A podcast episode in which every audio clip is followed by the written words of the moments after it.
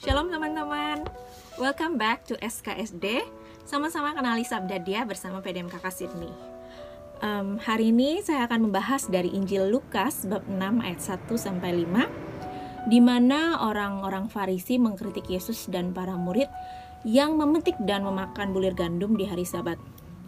Lalu Yesus menanggapi mereka dengan menceritakan kejadian di mana Daud dan para hambanya memakan uh, makanan persembahan di bait Allah. Yesus juga menanggapi orang-orang Farisi itu dengan berkata kalau anak manusia adalah Tuhan di atas hari Sabat. Nah, apa sih hari Sabat itu? Seperti yang kita tahu, bangsa Yahudi itu mengkuduskan hari ketujuh ini. Um, dan menurut mereka, ini adalah hari spesial di mana umat Yahudi harus beristirahat dan tidak boleh melakukan aktivitas apa pun kalau di Indonesia mungkin mirip-mirip sama saudara-saudari kita dari umat Hindu yang juga merayakan hari raya Nyepi kali ya. Nah, sebenarnya nggak beda jauh sama bangsa bangsa-bangsa Yahudi yang juga mementingkan ritual di hari Sabat.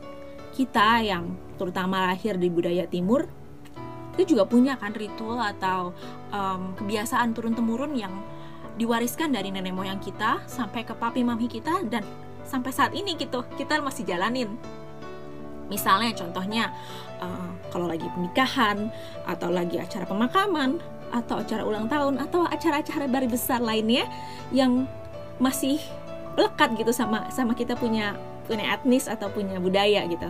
Dan sering kali hal-hal itu tuh clash sama apa yang diajarkan dalam kitab suci atau apa yang um, diharapkan dari agama kita gitu.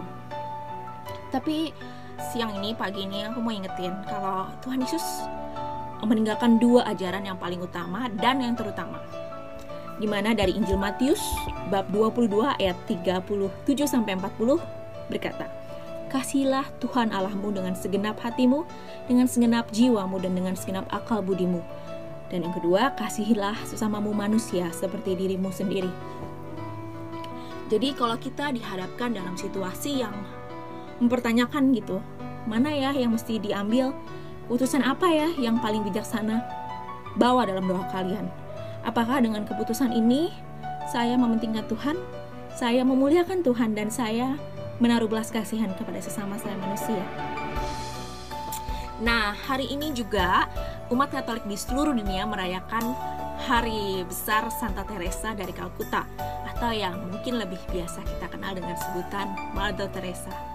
Kita tahu dong betapa banyak hal luar biasa yang udah Mother Teresa lakuin di dunia ini. Nah, um, ada satu quote yang benar-benar berkesan buat saya.